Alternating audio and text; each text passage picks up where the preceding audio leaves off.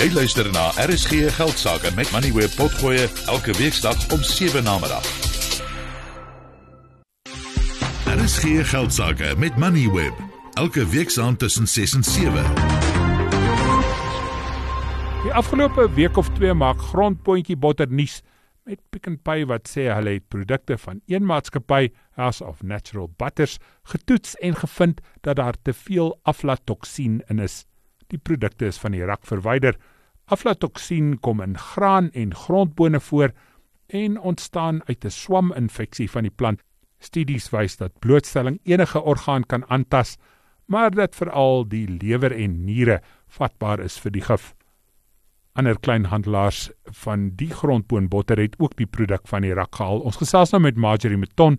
Sy is bestuurder aanvoerkettingbeheer van die Verbruikerskommissie. Goeiemiddag Marjorie en welkom by die program.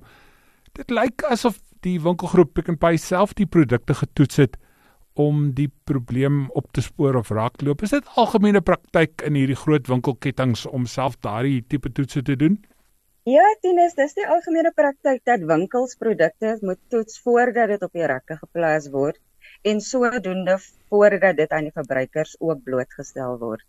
Skep dit dan nou nie probleme met kleiner winkels nie wat dalk nie die kapitaal het of die bevoegdheid het om sulke toetse te doen nie. Kyk, dis die aanname van die kommissie dat kleiner winkels hierdie produk by betroubare verspreiders of kettingwinkels sou gekoop het wat reeds aan al hierdie standaarde voldoen.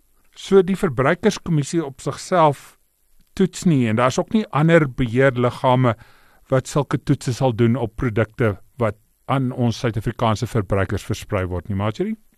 So nee, die kettingwinkels hulle self, hulle doen die toetse, maar daar is 'n ketting van gebeure in hierdie geval. Die vervaardiger, die verspreider en die winkel is veronderstel om die produkte te toets voordat dit op die rakke geplaas word. So dit is die verantwoordelikheid van hierdie kettingwinkels om seker te maak dat hierdie produkte volgens standaarde voldoen voordat dit op die rakke geplaas word, ja. Wat meer kan ons doen om die verbruikers veilig te maak hier in Suid-Afrika?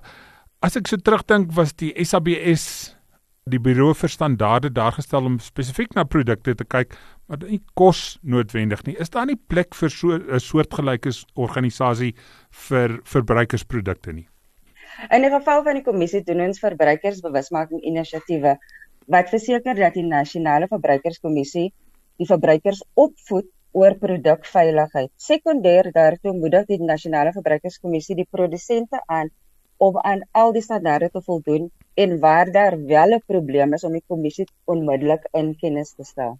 Is dit prakties dan om so staat te maak op ander winkelgroepe en verskaffers om jou produkte te toets? Los dit nie klein besighede oop vir groot hofsaake teen hulle as iets dan nou verkeerd gaan nie? Nee, die kommissie glo dat die vrystelling van inligting op hierdie manier prakties is en dat dit 'n groot volume van verbruikers bereik. So verbruikers word gereeld in kennis gestel ook deur die inisiatiewe wat die kommissie doen dwars deur die land om hulle bewus te maak van produkte en die toetsing van produkte. Maar is jy tevrede met die manier waarop hierdie grondpotjie botter probleem hanteer is? Ja, die kommissie is tevrede. Om die waarheid te sê, ons is dankbaar vir sulke platforms soos die RSG geldsaake en ander om die inligting dieper na die publiek te filtreer. Baie dankie Marjorie, dit was Marjorie Meton. Sy is bestuurder aanvoerkettingbeheer van die Verbruikerskommissie. Jy het geluister na RSG Geldsaake met Money where potgoe elke weeksdag om 7 na middag. Vir meer Money where potgoe, besoek moneyweb.co.za of laai die toepassing af en volg Moneyweb News om dagliks op hoogte te bly.